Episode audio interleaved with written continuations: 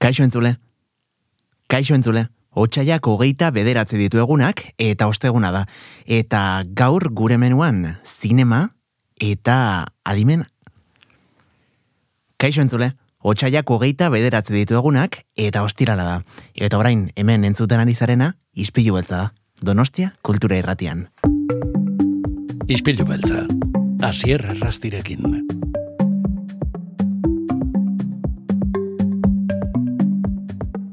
Normalean ostiraletan izaten dira, eh? Kresala zineklubeko lagunak gure ispiluan, baina aste honetan egun bat aurreratu behar izan dugu zita eta ostegunean gerturatu dira gurera.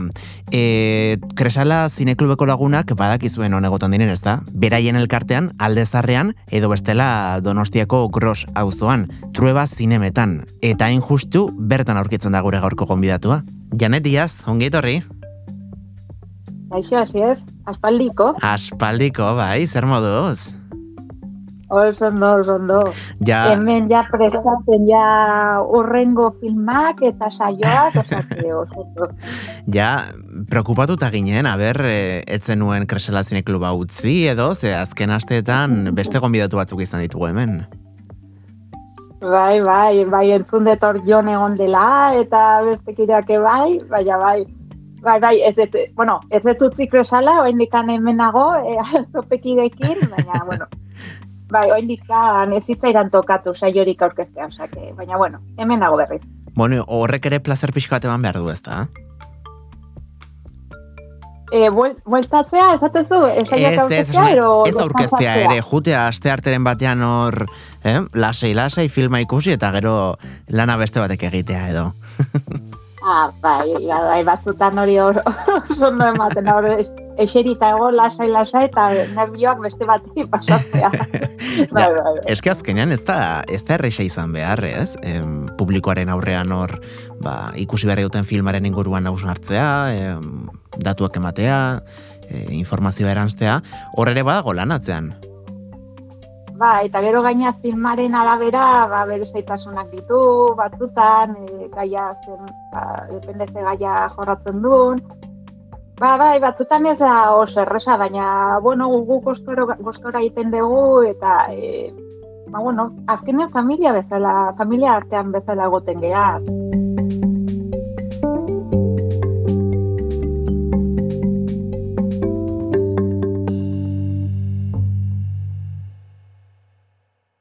Bai, egia esan, bueno, familia zoragarria osatu da daukazu, eh? Kresala Zine Klubaren barruan, eta baita kanpoan ere, ez? E, jo, ba, ez dakit, eh, normalean e, aste artero, aste artero trueba zinemetara joaten diren ikusle fijoiek, donostiarrak diren gehienak, edo, edo beste herri batzuetatik ere gerturatzen diren. E, nik uste e, asko donostiakoak dira, baina bai, baukagun norbait e, irunetik datorrela, Ara? eta bai, e, inguruko herritatik e, baten bat gehiago, e, bai etortzen da, bai, baina badaki bat, i, irun, irunen bizitzen, dela, eta handikan datorrela, osea que, bueno, e, bai, bagu pozik, azkenean e, ez bakarrik ikusten dugu, donostiko jendeari ematen diogu aukera beste filmak ikusteko, eta beste zinema mota bat, baizik eta inguruko herrikoie bai.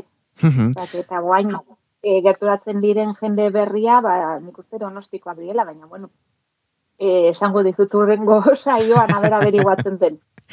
E, esan zigun duela astetxo batzuk izan genuen hemen, bueno, astetxo desente, gaizka izagirre, zinema eta telesail kritikaria, eta, eta berak beste lagun batekin batera sortu du em, Hernaniko zinekluba, beste zineklub mota bada, baina berak esan zigun, eh? nola kresala baden dudari gabe Euskal Herrian erreferente bat zinekluben munduan. Eta gu pozik ardun horiek, e, guretzako obra pixka pasio bezala, gaina ez dugu ezer, e, guk ez dugu dirurik jasotzen pertsona bezala, eta hobi bezala egiten, hobi. Gustora eta kriston pasioak egiten dugu, ez? Eta baitz horiek entzutea, ba, imaginatu, Hori, pues, kriston posta ematen dugu. E, aizu, gutxitan aipatzen dago, baina zuen, bueno, ba, aste arteroko e, bueno, proiektzioetara joateko bi aukera dauzkagu ez da, sarrerak erosterako garaian, e, zuzenean bertara gerturatu, trueba zinemetara, e, aste artean bertan seiterdietatik aurrera, izaten da? Hori da, bai, bi aukera daude, e, webunetik erosi daitezke ja e, martxoko, oantxe bertan martxoko film guztiak daude salgai, ez bakarrikan e, urren aste artean eukiko dugun filma, baizik eta ia bete oso aia salgai dago, eta gero, e, bai, aste artero zeiterditatik aurrera, e, probako lehiatian, zarrera gelitzen barira, egoten dia salgai online salmenta zeitarritan izten da, eta takilan irekitzen dugu salmenta. Bale, beraz, bueno, hemendik e, gomendatzen diago gure entzulei, bada ez bada, sartzea Kresala Zine Klubearen web horri aldean, eta bertatik erostea, ez? E, ondoren, ba, azken orduan ez ibiltzeko hor, e, sarrera eskuratu ezinik. Eta, mm, bueno, mm, urrengo asteartean, urrengo hilaren bostean duzue proiektzioa, asteartero moduan, arratsaldeko zazpiterdietan, eta kasunetan, ez dakit filma zeren ingurukoa den, baina titulua bada berezia. Ba, e, hola ikustezu pelikula, Argentinako pelikula da, eta gaina ikustezu Alemania itza, eta esatezu hau zer da, eta gaina bai. kartela ikustezu pertsona nagusiaren aurpegia, eta pizkate misteriosoa ematen du dela.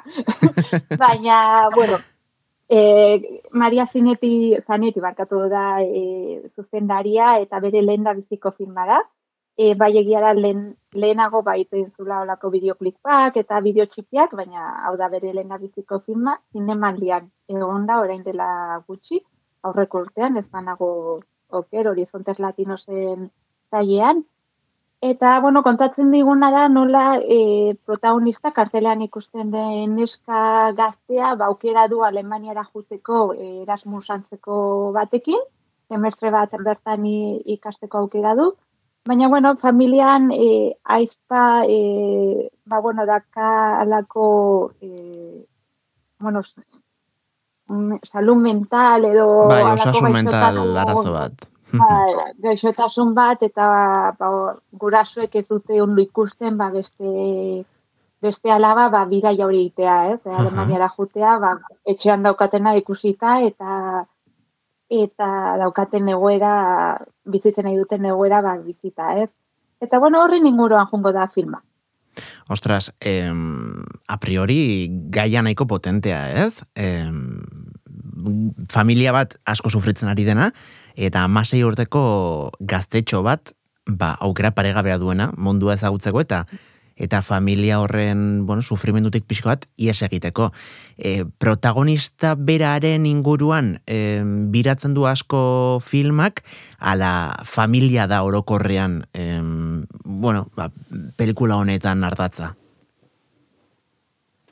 Neretzako egia da, e, protagonista principalaren e, Lola uste dela e, izena, pertsona izena, bit, e, ak, aktoreara maitea agilar, ez manago hainoket. Uh e, eta, bai, prinsipioz bere inguruan doa historio guztia, baina egia da niretzako bere aizak daka kristone bai indarra pantailan eta historioan. Gurasoek ezain beste, netzako dira ba, pertsoen batzuk e, informazio ematen diguna, eta zerbait momentu tarako eskusa bezala habilita daudela netzako, eh? Egoal gero zuzenariak etor beste gaza bat pentsatzen du. Baina bai egia netzako hor pixo handia dute bi, bi, bi alabak. Bai, bata pertsona nagusia, lola, bai, eta bai beste, beste aizta. Eta osasun mental, mentalaren e, gaia, zer da, bueno, besterik gabe drama kutsu hori gehitzeko historioari, ala benetan mm, badu pixua e, gai horrek konkretuki filmean? Netzako pixu ikaragarria du gaian ze pentsatu, kao, e, zuzea masei urteko neska bat, eta mazaitute aukera, ba, dena e, gaindituta bali maukazu Alemania jotea, oza, zete abre el mundo, el cielo, bai. oza, Gainera Argentina arra izan da. Ze guretzako Alemania gertu dago, baina... Bai, bai, bai. Guri izan gozan, Argentina da zen bali claro, igual. Claro. Baina, claro, baina gero etxea jotezeat ikuste du lakan egoera, eta, claro, ez da... Ez du errezukiko gaina, e, e, bueno, egoera hau, bueno, egoera, ero esparen pertsonaia e, dago inspiratua e, zuzendariaren anaian.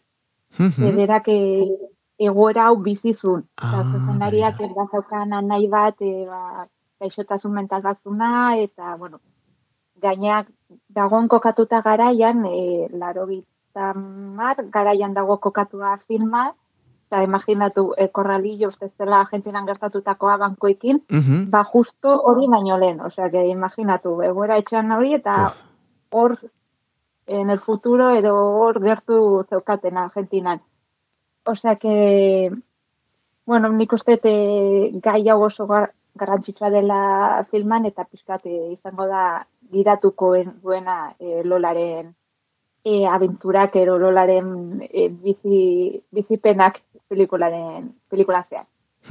Gainera, bueno, filmaren fitxa ikusita, e, askotan naiz eta zuzendaria ere izaten den gidoilaria, ba ondoren beste pertsonei batzu, beste profesional batzuk, ez izaten dituzte ondoan gidoia osatzeko, baina kasu honetan fitxa teknikoa mintzat e, Maria Zanetti zuzendaria bera agertzen da gidoilari bakar moduan, beraz. Ostras, horrek ere badauka, ez da, e, aipatu duzuna, bere, ez dakit bere bizitza, baina bere bizipenetan behintzat, oinarritutako zerbait izatean, niri hori asko gustatzen zait, azkenean gauzak beste batera transmititzen direlako, ez? E, zuk sortu zen ezakelako historio bat, baina benetan e, zure aragitan sufritu baduzu egoera hori, nik uste dut horrek beste balio erantzi baduela, ez? Bai, gaina berak esaten zuen, e, Alemaniak iratzen zula COVID garaian, Argentinan e, gainako e, ba, ubezala etxean e, zeudenean, e, ez zula iratzi, berak esaten zuen, e, bueno, botaka intzula historio guztia, ez? Kanpora botazula botaka moduan historio osoa, mm -hmm. gorputzak eskatzen zion, gaina ze, e, eta eskaera hori, gorputzaren eskaera izan zen, e, e, ba, berak aurkituko aurkitu zula etxean, ba, lako bideoak, e, bere atxikitako bideoak, eta bera gogoratzen zitun, e, garai batzuk, ba, pantailan ikusi zitun, ez? Eta anaiaren iruriak, eta hon, ba, batean, ba, e, hor barruan gorputzak hasi zitzaion eskatzen, ba, hori, ez? Historia hau kontatzen, edo behintzat paperean ipintzea, eta bainako bi garaian imaginatu. Eta giara berak ere esaten zola, ba, e, COVID garaian edo horti gertuan nahi zela, eta karo, bideoko horkitu nahi hil, e, netzako ez da hola arraro gorputzak hori eskatzea, ez? Mm -hmm. Ateatzea historio hori edo behintzat e, paperean ipintzea, eta bueno, azkenean, ba, lortuzun e, pantailan dian ipintzea gaita ere. Jo, ez potentea historioa, eh? Egia da, jo, naiz eta bueno, konfinamendua eta pandemiako lehen hilabeteak batez ere, izugarri gogorrak izan ziren, emozionalki, oso emankorra ere izan zen, kulturalki eta artistikoki, ez? Azkenean, e, jende asko, bueno, mundu guztia, baina denak ez garen ez artistak, e, denak gure barrura begira jarri ginen ez, ba, ba urtik ere ba, atera dira. Kasunetan, Alemania bazelako lanak eta eta oso sanguratsua da nola, bueno, aportadan bertan ikusten dugun, ez? Donostiako nazioarteko zinemaldiaren e, ikurtsoa bertan izan zelako, ez? E, aipatu duzun moduan pasaden urtean. Ze pasaden urtean estreinatu zen film hau. Hori da, gainea e, zuzendaria zen hemen, e, ikoizle batekin uste eta baita ere protagonista, osea, eta uste e, ikusleke eukizutela aukera berarekin e, filma egiteko e, filma egiteko barkatu, eta bai, nik uste gaina historio polita dela, eta e, historio ondo kontatuta dagola, eta ez dakabe zinemarian ikusteko aukera izan dutenek e, berriz ikusteko aukera ematea, baizik e, nik uste eta oso polita dela, ba, de, e, ikusi ez duenak deskubritzeko, ez, horako filma txikia, baina oso potentea. e, txikia, ze zentzutan, egia da, laurogeita zazpi minutu bakarri dauzkala. Bai, bai, txikia ez bakarri durazio, bueno, ero iraupen atletika, baizik entara, ez da produkzio bat, e, Disney erolako pelikula, pelikula bat bezala, ez? Eta gu ba, ba oso, claro, imaginatu Argentina ne bai oain ez daukate oso aukera onak ero oso aukera asko ba, pelikulak egiteko, ez? Eta abeste gertatzen den egoaindik e, hemendik aurrera. Baina zikia hortikan ez, eta pixka oso intimista, durazio alde, iropen aldetik e, eta oso luzea, e, bai, nik uste horregatik esan etxikia. Eta, eta, e, Janet, Argentinako, bueno, oza, adibidez, mm, horrela burura etortzen zaizkite, Argentinan aktore handiak izan direla bertan, eta zinema aldetik ere, mm, izan dira pelikula handiak, ez? Orain arte bintzat. Bai, e, nik uste Argentina, e, bueno, denetarik, e, zin, denetarizko filmak e, egiten dituztela, batzutan igual asko pentsatzen dugu komeria, komeria egit, bakarrik egiten dituela, baina bai, dramaketala ere bai egiten dituztela, gaina, e, bimi, bueno, aurtengo edizioan, ez aurrekoan, so, aurtengo edizioa zinemaldikoa baina mm -hmm. gertatu, baina hogeita, hogeita iruko edizioa e, bai, eta bertan ikusi dugu eh, Argentinako film asko, eta nik uste ere jente jende Argentinako hemen egon dela bere pelikulak e, aurkezten, bai, bai, nik uste film asko daule, eta bai, noski Ricardo Larin, eta holako izenak e, jendeak asko ezagutzen ditu emendikan ba, ba esan duzun moduan ikusiko dugu orain presidente berri honekin zer e, dakarki egun etorkizunak, baina espero dugu behintzat, e, bueno, ba, Argentinako kulturak eta zinemagintzak hor, e, ba, behintzat, osasun bete-betea ez du izango, dudari gabe, egoera zein den ikusita, baina behintzat, bueno, ba, horrelako proposamenak iristen mazaizkigu gurera, bagu pozik, eta, eta are eta poziago gainera, urrengo aste arte, ba, pantaia handian ikusi izan badugu, ez? E, trueba zinemetan, hartxeldeko zazpit erdietan kresala zineklubeko lagunei esker. Janet Diaz, jo eskerrik asko, benetan, e, berriro ere izpilu beltzara gerturatzeagatik, e, uste genuen ja aztu, aztua zinala gutaz, baina ez ez. ba, esango dizut azier, ez dakit urrengo azten izango ero urrengoan norbait e, e, egongo dela zurekin, oain dela deixentez dela egon. Zani, ah, bai? baino gehiago egon zurekin egon, osea que... Baina... Osea que Baina egon da aurretik orduan erekin, ez? Bai, nik uste bai, eh, baina hain dela desentez da pasa izpilu betzatik hemen dikan, osea que... Ah, begira. Begira, ze ondo, ba. Osea, no por txikiak hartu ditut, baina bera por, opor handiagoak. ba, haizu, ba, e, uste dut, e, badakite zein den esaten duzu izena eta urrengo hasten dator gurera. Oh. Beraz, ba, desiatzen nahi zu, hemen ere, e, ikuslari e, clip hanger horrekin otzeko dugu, urrengo asten ere entzun dezatera kresala zineklubaren tarte hau, eta batez ere, jun daitezela gure entzuleak, e, gurekin batera, ba, kresala zineklubera. Ze gainera orain egiten ari den eguraldiarekin, eh? Plano berek aste arte baterako, ez dago, janet. Ba, gainea kristo no, e, egiten du kanpoan eta barruan goxo goxo gabe, osea, que, bai, bai, konbidatu ditu denak. Ez da baitzak Janet Diaz, musu erralei bat, egun hona izan. Berdin, azier. Agur. Agur. Ispilu beltza, astelenetik ostiralera, asier errastiren naskutik, donostia kultura irratian, edo dena delako podcast plataforman.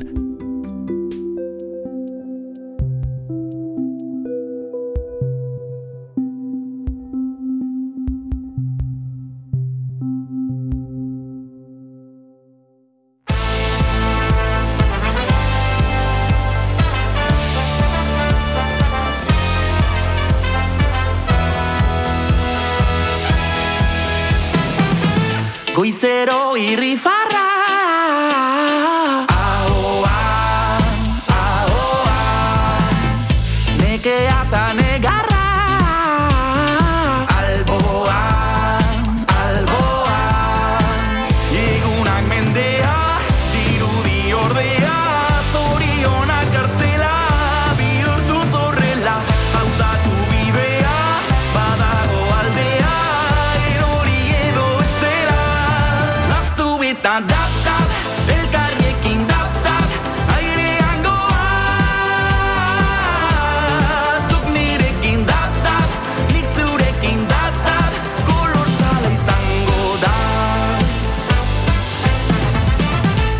guztiek erantzuna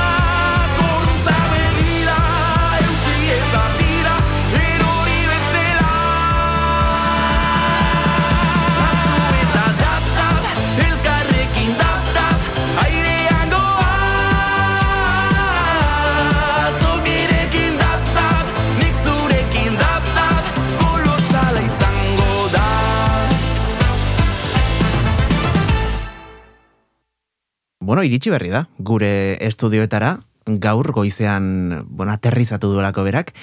Kaixo, Jar? Kaixo, Asier. Zer, non ibilizara azken egunetan? Bueno, Madrilen, Madrilen izan gara. Kapitalian? Kapita, es, Espainiako kapitalia. Bai.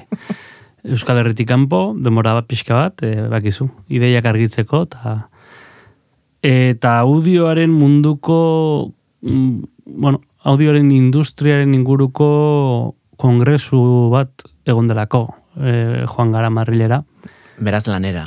Lanera, bai, bai, bai, bai. Audio Parix Days e, izena du eke, ekimen honek, eta matadero e, gunean edo kultur gunean e, egin da. Eta oso interesante izan da, ze goizez eta ratxaldez, ba, mm, audioaren munduko jende oso interesgarria entzutuk aukera izan dugu, eta eta tira, e, ideiaren bat edo beste lapurtu, eta, eta itzuli. oso ondo dago, izpilu beltzan, bakoitza bere pasioarekin datorrez, Josemi Beltran bere zinema kontuekin, kresala zineklubekoak ere bai, liburu zainak, literatur kontuekin, eta kada loko konsute mazu, podcast gintzarekin, Mhm. eta audio kontuekin, bueno, podcast gintzatik aratago ere, e, ibiltzen zarelako lanean. Mm, zure lankide batek esan dit, pixkat beldurtuta ere torri dela, kongresutik. Bai, e, tira, e, adibin artifizialaren mamua dabil, ez? Azken denboran e, alor guztietan eta audioarena ez da salbuespen bat. e, adibin artifiziala hor dago, geroz eta gauza gehiago egiten dira adibin artifizialarekin, eta oraindik ez dago zeharo zedarritua, ez? Edo erregulatua eta horrek ba, ba bueno, beldurrak eta eta arriskuak ekart, ekarri ditzake, ez? E, egia da ere tresna gisa balio iz, dezakela zenbait e, gauzetarako, baina hemen beldurra da ba, ba hori, ba, giza ahotsa Mhm. e, edo eta gizakion lana ere ordezkatu dezakela, ezta? Eta e, eta gainera normalean adimen artifizialaz probesten direnak, ba, ba direla e, korporazio handiak, ez? Eta Mhm. bertatik aberazten direnak. Eta bueno, bai, bai, gauza interesgarriak egon dira. Ni, eh, hasiko gara txamponaren alde honarekin, agian, ez? Em, goizean e, izan ziren hainbat persona audioliburuen inguruan hitz egiten, eta nola audioliburuen e, merkatua urterik urte e, hasi den, ez? Eta eta bueno, datuak ekartzen zituzten eta zentzu batean ba, bada modu bat ba, ba bueno, baliotan jartzeko e, literatura e, entzu, e, irakurle berrien gana iristeko, ze entzule hauen artean e, profilak e, ez dira e, esan nahi dut hasi eginda irakurle kopurua e, lehendik liburua irakurtzen zutenetatik arago ere iritsi da literatura e, tresnauen bitartez. Eta era berean ere, ba bere alde iluntxeago ere badauka, ze e, hau suediar e, ponente batek esaten zuen, Karl Berglund e, suediar e, ikerlari batek e, bere, bueno, bere itzaldia egin zuen, liburu, liburu bat idatzi zuen honek, e, Reading Audio Readers izenekoa, Na, bueno. eta e, bertan aztertu zituen Storytel plataformak eskainitako datuak. Bai? Berak mm Storytel plataformarekin izan zuen aukera audioliburuen entzuleen datuak e, bueno, ba, ba aztertzeko. Eta berak aipatzen zuen, bueno, e, ba, aurretik Michel Kobek e, itzaldi, aurreko itzaldian esan bezala, azkuntza handian dagoela e, mundu editoriala zentzu honetan, baina ekarri e, honek ekarriko duela e, datu inoiz izan gabeko datu mordo bat e, irakurle, entzule, literaturzaleena, ez? Ah, claro, claro, ez dakizulako liburu denda batetik, eh, ez? Batek erosi dezake liburua, baina ontoren nork kontsumitzen duen, nola, Hmm. eh, guzti hori? Bai, bai. ari zara, ez da? Bai, entzu, e, entzulen datuak, noiz, e, zenbat liburu irakurtzen ditu, Mhm. zenbat liburu entzuten, kasu honetan, ez? Bai. Ditu, e, ze ordutan, zenbat errepika, e, errepikatzen ditu liburuak, bai ala ez. E, eta horrela, e, bere ikerketan, en, Reading Audio Readers e, izeneko liburuko liburuan egiten du horlako irakurlen profilen azterketa bat. Eta berak dio, eta hor dago nire ustez puntu iluna, pixkatez, e, torkizunean hainbeste datu egongo dira e, argitaratzaileen eskutaren, Mhm. ezen argitaratzailek e, aukeratu izango dutela ze motatako liburuak nahi dituzten egin, ez? Ze, Bai. berak aipatzen zuen, e, gehien entz, e, entzuten diren liburuak dira, krimen liburuak, thriller liburuak, ez? E, bueno, bakizuk, ez, e, krimin, krimenak oinarrian dituztenak, eta barrez. Eta, mm, eta bueno, horrela zeuzkan profil batzuk eginda, eta en, berak datu bat zeukan oso interesgarria, eta da, bataz besteko liburua en, amaitzeko aukera, ez? Alegia, bat zenbakia dauk, datua daukana, izango litzateke, liburu guztiak osorik irakurri dit- dituen persona. Ez? Mhm, Vale. Osea, 0,3 itamar, ba, ba, ba, bueno, ba, ez ditut danak eh, amaitu, ez? Mhm. Eta bar, eta hor datu pila bat daude, ordun eh, datu horiek erabilita, argitaratzaileek eh, erabiliki ez, dezakete ustez, ez? Gehien gustatzen diren titulu horiek editatzea, ez? Eta horrek bideratu dezake, edo aldatu dezake mundu editoriala sakonki, ez? Eta, bueno, datuek gauza honak dituzte, baina gero ere, ba, amaitu dezakegu danok krimen liburuak, eh, ez? Entzun da, entzun da, entzun, ez? E, eta gero, aipatu, lehen aipatu duguna, e, adimen artifiziala.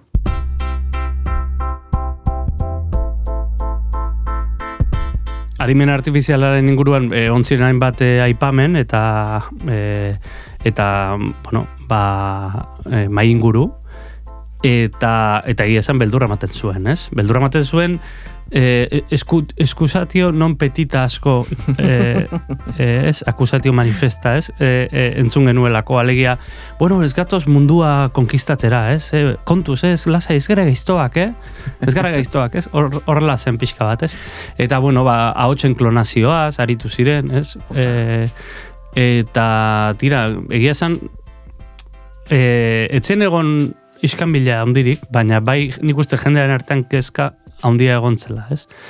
Eta ez da gutxiagorako, nire ustez, ez da gutxiagorako, ze, ze bueno, honek astindu bat ekarri dizaioke e, ba mundu ahots langileen munduari, ez? Ahotsa, ahotsarekin lan egiten duen mu- mundu horri, ez?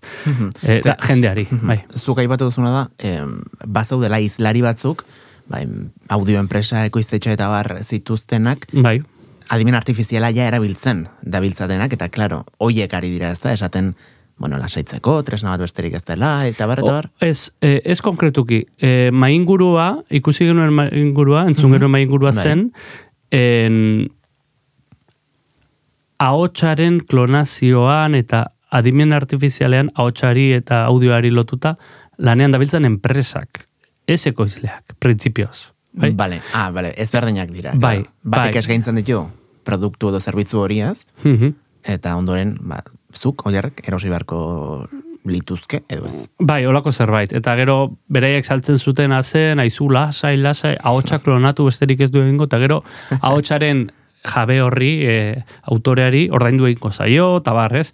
E, baina, logika oso perversoak e, nabaritu genituen, eta nik uste oroar kezka bat zegoela, e, ez, hau nola regulatuko den, ez? Lehen esan duguna, nola zedarrituko dugun, hau, zertarako bai, zertarako da zilegi admin artifiziala, zertarako ez, zer ordezkatzeko eta zer, ordezka, zer ez ordezkatzeko, ez?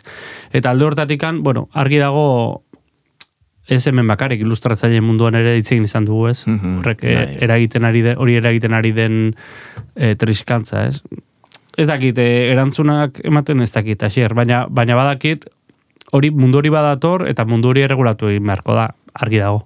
Neri zuzenean etortzen zait Hollywoodeko greba burura. Azkenean Bai. egia da gidoilarien afera izan zela, bueno, ba, indar gehien hartu zuena, baina horre bat zeuden beste azpi, bueno, ba, gai batzuk, besteak beste, ahotsak klonatzea ez ezik gaur egun eginda eta eta egiten ari dira e, gorputz guztia ez, e, eskaneatu eta aktore horren beharrik ez izate hori.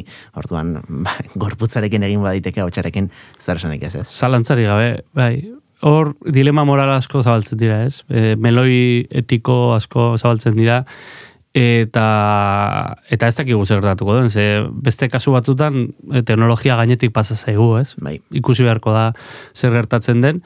Argi dago, e, ni etorri nintzen gero autoan pentsatzen ez, eta eta nik pentsatu nuen e, azkenean e, artisaua eta eta e, artisaua eta kontuz e, e, egina dena beti dela, ez? Desberdina, ez? Da, zentzu hortan, gure kasua meintzat, audio for humans, made by humans, ez? E, gizakiok egindako e, audioa gizaki ontzat egina, ez? E, hor, e, nik uste beste, beste tendentzi bat edo sortu daitekela, ez? Justu kontrakoa, ez? Mhm. Admin artifizialen kontrakoa, ez? Eta azpimarratu zaizu gurean, ez? Transgenikorik gabea da, ez?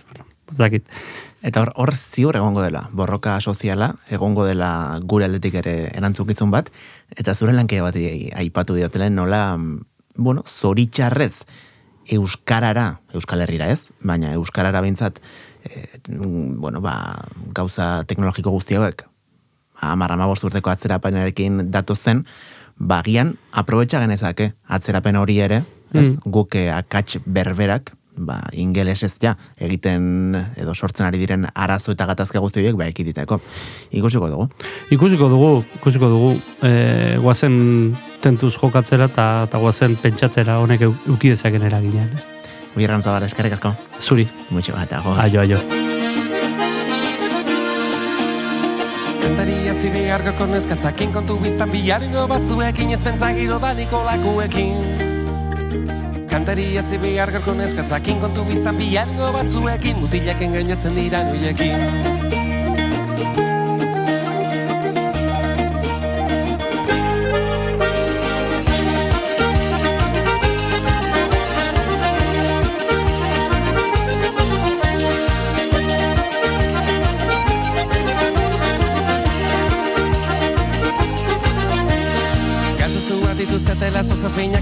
zuri gorri berda ordinan abarmen dituzte iburdi ezkina Galduzu bat dituztetela zozofinak kolore zuri gorri berda ordinan mugitzen dituzte mutilaren grina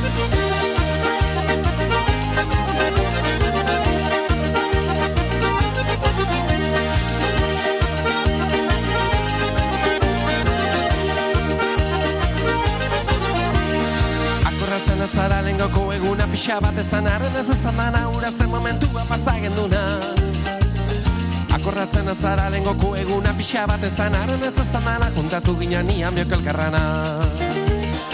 Birula, birula, birula, uta mutiz arrobe degula tapaita bozizaz bigez gabiltza batera gaizki.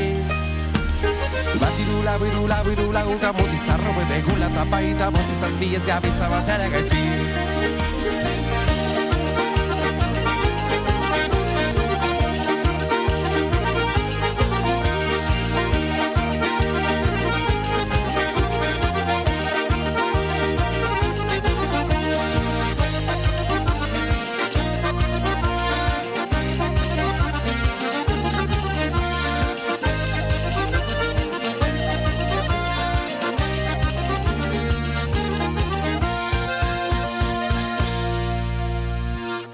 xamarranik ezin ukatu ez goren gozorako laxe behar du ezertan oetzen badet bihotz ez barkatu. Kanta berde xamarranik ezin ukatu ez goren gozorako laxe behar du orain besterik gabe jende bukatu. Bat birula, birula, birula, uta mutiz arrobe degula tapaita bozizaz bigez gabiltza batera gaizki Bat irula, birula, birula, uta mutiz arrobe degula tapaita bozizaz bigez gabiltza batera gaizki